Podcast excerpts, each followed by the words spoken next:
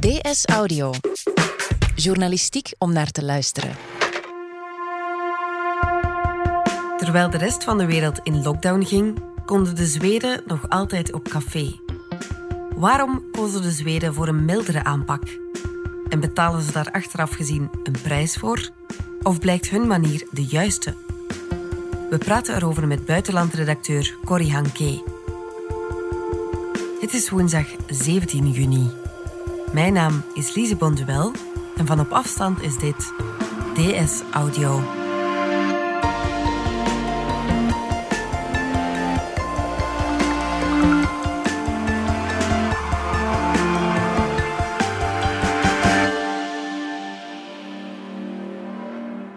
Corrie, jij was in mei, midden in coronatijd in Zweden. Zo goed als alle landen zat in lockdown, maar daar kon je nog gewoon op een terras zitten of een rusthuis bezoeken. Hoe was dat? Dat was heel vreemd. Om te beginnen, waarom het heel vreemd was, was om te kunnen reizen. Want we zijn met de auto gereden. Dus we zijn Nederland, Duitsland, Denemarken doorgereden. Um, was ik tevoren voor alle zekerheid bij mijn huisarts langs gegaan om een attest op zak te kunnen hebben waarin stond dat ik coronavrij was. Dus ik was naar de huisarts gegaan om uh, die test te laten afnemen. Ik mocht pas na zes uur komen en de huisarts die doet de praktijk open en daar staat echt voor mij een marsmannetje helemaal ingepakt. ik kon haar voeten niet zien, ik kon haar gezicht amper zien, want ze had niet alleen een, een zo'n speciale bril op, ze had er ook nog een uh, plexiglas voor. Um, er was voor de rest niemand in de hele praktijk. Ik mocht ook niks aanraken. Dus ik kwam mm -hmm. uit zo'n sfeer en dan twee dagen later ben je in Zweden waar mensen op terrasjes zitten en op restaurant gaan. Dus dat was een vrij grote kloof. Dat was een vrij grote schok tussen um, hoe ik in België vertrokken ben en hoe we dan uiteindelijk in Zweden gearriveerd zijn. Ja, alsof je in een totaal andere wereld terechtkomt. Ja, heel bizar. Ja. Ja, en was dat uh, ongemakkelijk of eerder dan weer fijn om dat toch weer te kunnen doen? Um, ik denk dat ik de eerste 24 uur toch wel een beetje smetvrees had. Ik, ik, ik, mm -hmm. ik, kwam toch wel tot de vaststelling dat door hier in België een aantal weken al in quarantaine te zitten, dat je toch mm -hmm. heel voorzichtig bent en heel veel dingen als vies begint te beschouwen. En ja, ja we gingen dan daar op restaurant. En dus mijn eerste reflectie in mijn hoofd was ook van, goh ja, dat bestek is dat hier eigenlijk wel oké. Okay. en die mensen aan dat tafeltje naast mij, officieel moesten ze twee meter afstand houden. Ja. Ik vond ook dat die een beetje dicht zaten. En, en de ober, toen die kwam bedienen, die respecteerde de afstand niet. En, en tot overmaat van ramp hadden we uh, die nacht eigenlijk een, uh, een goedkoop hotelletje. Dus mijn, mijn eerste nacht op Zweedse bodem was in een goedkoop hotelletje. En de hele nacht had ik zo het gevoel dat ik dat coronavirus zo langs de lakentjes naar boven voelde kruipen. Het zit natuurlijk helemaal in je hoofd, maar het geeft maar aan met hoe groot het verschil is en, en de smetvrees die je hier hebt opgedaan, dat dat toch eventjes duurt voor je dat gevoel van je af kunt schudden. Ja, inderdaad. En wat mochten ze wel doen en niet doen? Ja, uh, de restaurants zijn open, de bars zijn open, de winkels zijn open en er wordt wel overal gevraagd om afstand te houden.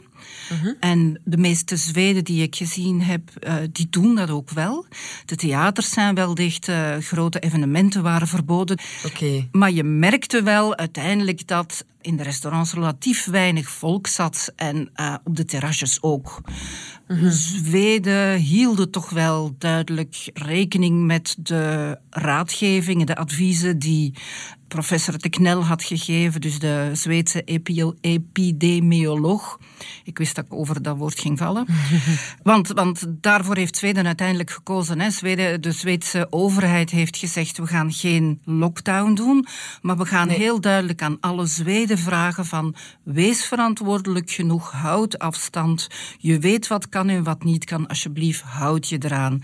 Ze hebben daar heel erg een beroep gedaan op dat verantwoordelijkheidsgevoel van de Zweden en ik had ook wel het gevoel dat ik gezien heb dat de meeste Zweden zich daaraan hielden. Uh -huh. De Zweedse regering, denk ik, is gewend dat de bevolking um, haar wel volgt. Uh -huh. het, het Zweedse model is een heel succesvol model. Al van in de jaren twintig hebben daar enkele rijke families, de belangrijkste werkgevers in Zweden, die, die zitten geregeld samen met de vakbonden en de overheid. En die bepalen een beetje het sociaal-economisch beleid van het land. Maar dat is van die aard dat heel veel Zweden ehm, van die rijkdom mee kunnen genieten. Dus tot nu toe hebben zij weinig redenen gezien om te twijfelen aan wat de overheid zegt. Zij gaan er echt vanuit dat de politici echt wel het beste met hun voor hebben. Dat is een gevoel dat veel Belgen denk ik niet hebben. In Zweden heeft men mij gezegd is dat een, een, een gevoel dat vrij overheersend is. Ik zal je een voorbeeldje geven van hoe, hoe vreemd dat, dat voor ons is. Dus uh, de fotografen en ik, we zijn eigenlijk holder de bolder vertrokken. En dus wij dachten, ja, we moeten in ieder geval zien dat we op een feestje kunnen terechtkomen.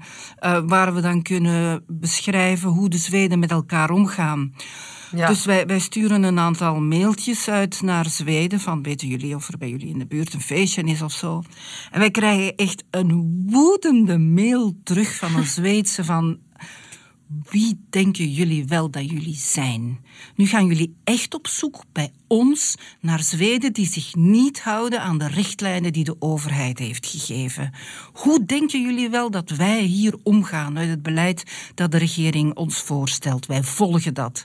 Dat was een beetje de teneur van die mail, dus dat was, dat was heel erg schrikken voor ons. Ja, terwijl wij als Belgen dan misschien meer de kantjes eraf. wij organiseren lockdownfeestjes, herinner je?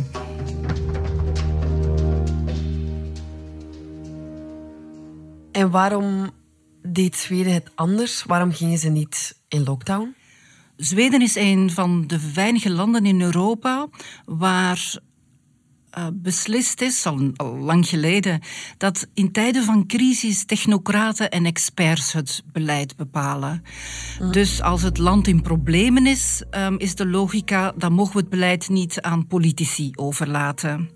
En ik heb me laten vertellen dat de experts in de omringende landen ongeveer hetzelfde advies hadden gegeven als de KNEL. Dus de man, de expert die verantwoordelijk is voor het coronabeleid in Zweden.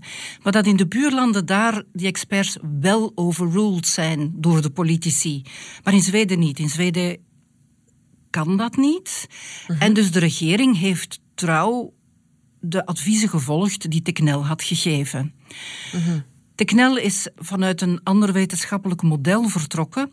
En dat model dat voorzag dat het virus veel minder snel zich zou verspreiden dan dat de andere modellen dat voorzagen. Mhm. En dus hij dacht, oké, we kunnen, ik zal het maar in mijn woorden zeggen, het risico lopen. Omdat het virus heus niet zo snel om zich heen zal grijpen. Daarbij komt dat Zweden altijd wel een beetje uh, zijn eigen koers gevaren heeft. En mhm. zich dus niet heeft laten beïnvloeden door het beleid dat de andere landen deden. De Zweden de laatste 300 jaar mm hebben nooit oorlogen gevoerd of zijn altijd aan de winnende hand geweest. En alle buurlanden, Noorwegen, Finland of Denemarken, die hebben de laatste honderden jaren uh, grondgebied moeten afgeven, zijn in oorlogen verwikkeld, uh, hebben het altijd heel moeilijk gehad. Terwijl de Zweden die konden al 300 mhm. jaar rustig op hun eigen tempo voortbollen. En daarvan zeggen sommigen dat is wel eens een, een mogelijke verklaring waarom dat zij hun eigen koers varen. Mm Voelen ze zich dan een beetje superieur? Dat zijn woorden die ik nooit zou zeggen. Ik zou zeggen, ze, ze, ze varen hun eigen koers. Ik heb met een, uh, een Brit gepraat die al uh, jarenlang in Denemarken woont... en die daar een boekje heeft over geschreven, over de Zweden. En die zei mij aan de telefoon... ja, je hoort zelfs het... ik weet het heus wel beter toontje... als, als Teknel uh, aan het woord is. Of course we're suffering. Everybody in the world is suffering right now, in different ways.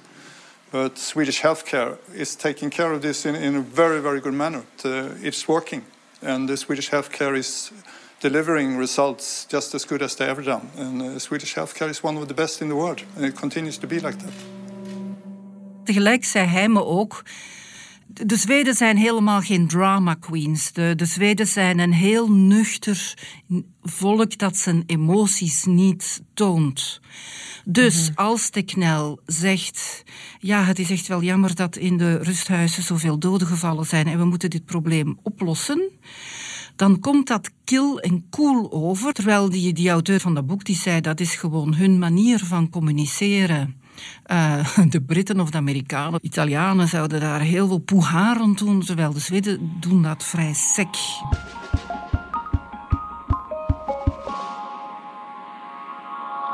Toch kunnen de Zweden geen goed rapport voorleggen.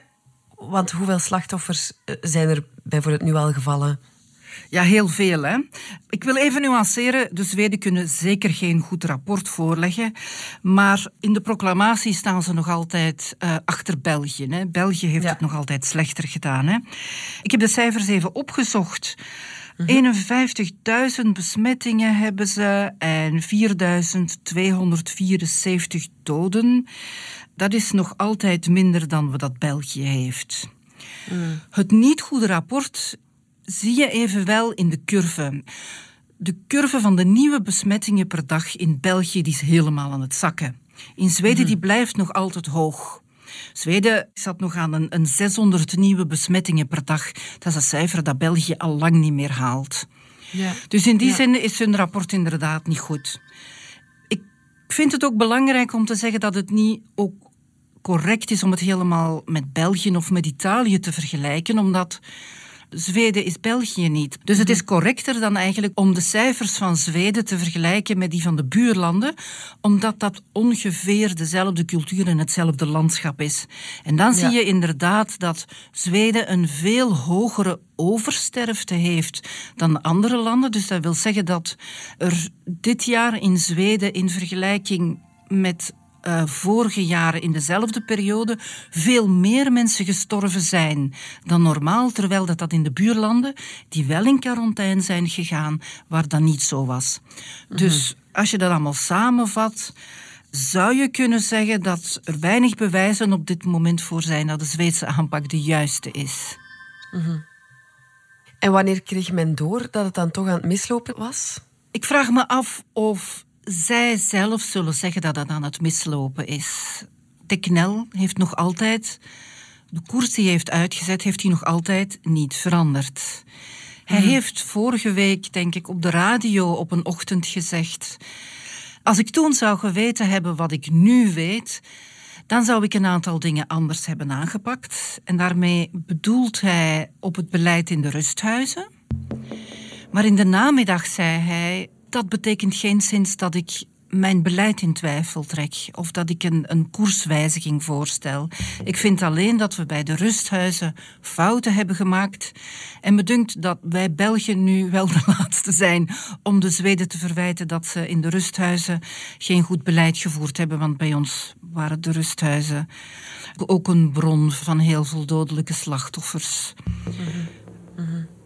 Dus ik denk niet dat ze zouden zeggen dat het, uh, dat het misgelopen is.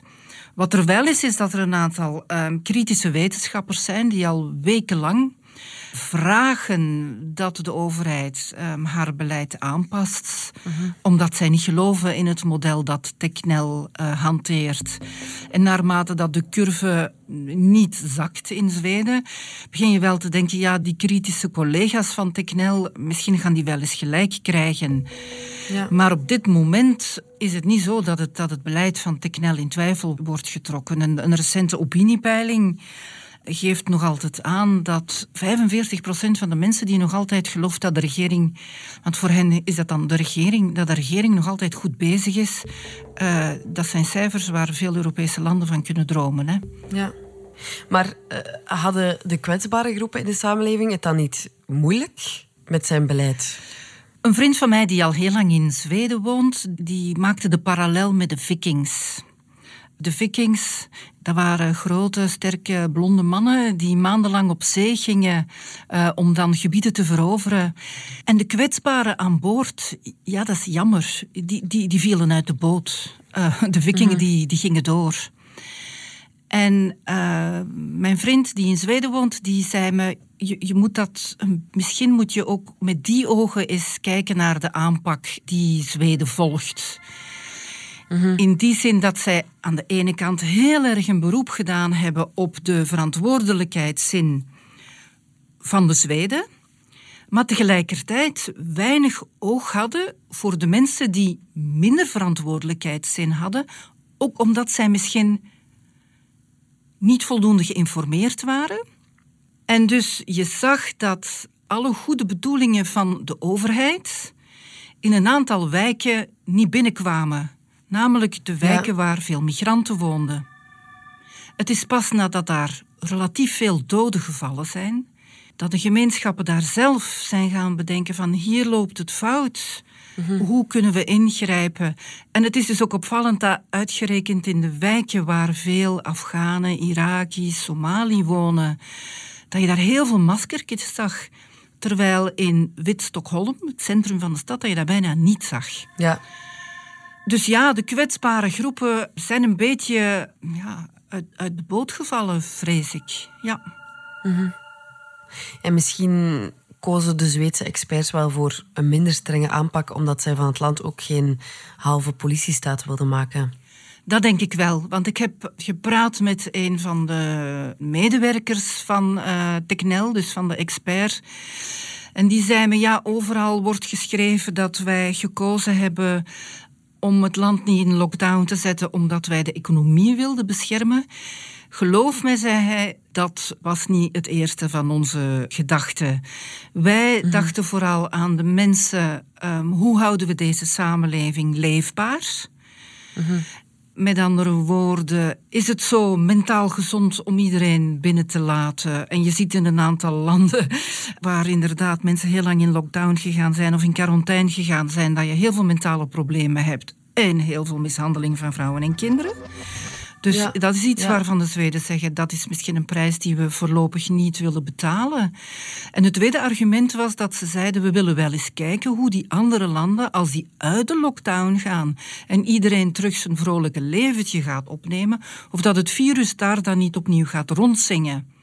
Wat dan bij ons in Zweden niet het geval zal zijn, omdat de hele tijd de mensen op straat konden blijven.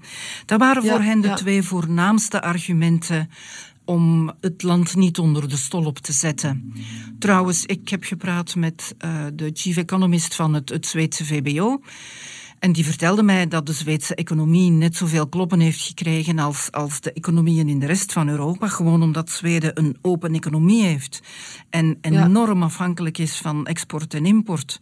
Dus als in de buurlanden en in half Europa alles, alles plat ligt, ja, dan kon het niet anders dat men in Zweden ook uh, de, de productie op een lager pitje ging zetten. En daar zat men mm -hmm. met de social distance uh, regels. Dus het was ook niet evident om in alle fabrieken iedereen aan het werk te houden, want ze wilden wel die anderhalf of tot twee meter afstand tussen de werknemers uh, behouden. Nu, als ik de kritiek op het Zweedse model zo hoor, dan lijkt het wel alsof veel critici er eigenlijk op zitten te wachten dat die Zweedse corona-aanpak mislukt. Ja, ik vind, ik vind dat ook opvallend. Ik krijg ook zo het gevoel dat heel veel mensen uh, stiekem hopen dat de Zweedse aanpak toch niet de juiste is en dat de knel een van de komende dagen, liefst nog uren, een mea culpa slaat en zegt Europa, het beleid dat jullie gevoerd hadden, dat was het juiste. Ja, mm-hmm. ik merk dat ook. Je ziet dat in, in buitenlandse krantenkoppen, je hoort dat in gesprekken op de redactie. Ik weet ook niet van waar dat wij-zij-gevoelen komt, maar het is er wel. Is dat nu omdat wij gefrustreerd zijn, omdat wij in die moeilijke periode niet op café zijn mogen gaan, dat wij een beetje hebben moeten afzien, terwijl die Zweden toch lustig door mochten doen, wat ik vind dat ze niet gedaan hebben, maar bon, ze hadden wel dat imago. Ja. Is het omdat zij een eigen koers gevaren hebben en daardoor onze koers misschien in vraag stellen en vinden we dat ongemakkelijk? Ik weet het niet, maar inderdaad, je hebt gelijk, Lise, er, er heerst zo'n sfeertje van, allee, wanneer gaan die Zweden nu eens uh, tot inzicht komen en, en toegeven dat ze fouten gemaakt hebben? Dat klopt, ja. Ja, want achteraf gezien zou het nog altijd kunnen dat de Zweedse aanpak de juiste blijkt te zijn. Ja, de positieve kanten zijn in ieder geval dat ik denk dat je daar veel minder mentale problemen gaat hebben van mensen die heel lang opgesloten zijn. -huh. Het zal ook wel uh, goed zijn voor de leerlingen en de kinderen dat ze gewoon naar school zijn kunnen gaan. Dus dat zijn de pluspunten, denk ik. De minpunten, dat daarvan denk ik is het nog te vroeg uh, om daar een oordeel over te vellen. Zolang dat de knel nog altijd vindt dat zijn koers de juiste is, denk ik moeten we gewoon afwachten tot heel het coronavirus is uitgewoed en dan gewoon eens wetenschappers sec laten bestuderen welke aanpak nu de beste is. Ja. Maar ik denk dat dat nu nog te vroeg is om dat te zeggen. Oké. Corrie, hartelijk bedankt. Heel graag gedaan, Lisa. Dit was DS Audio. Wil je reageren? Dat kan via dsaudio.standaard.be. In deze aflevering hoorde je Corrie Hanke en mezelf, Lise Bonduel. De redactie gebeurde door Anna Korterink. Pieter van Malen deed de eindredactie. Brecht Plasgaard deed de audioproductie. Brecht schreef ook de muziek die je hoorde in deze podcast. De extra geluidsfragmenten die je hoorde kwamen van Reuters. Vond je deze podcast interessant? Weet dan dat je er elke werkdag één kunt beluisteren. Dat kan via de DS Nieuws app of via standaard.be-audio. Je kunt je ook abonneren via iTunes, Spotify of de podcast app van je keuze. En als je daar dan toch bent, schrijf gerust een review. Zo toon je ook anderen de weg. Morgen zijn we er opnieuw.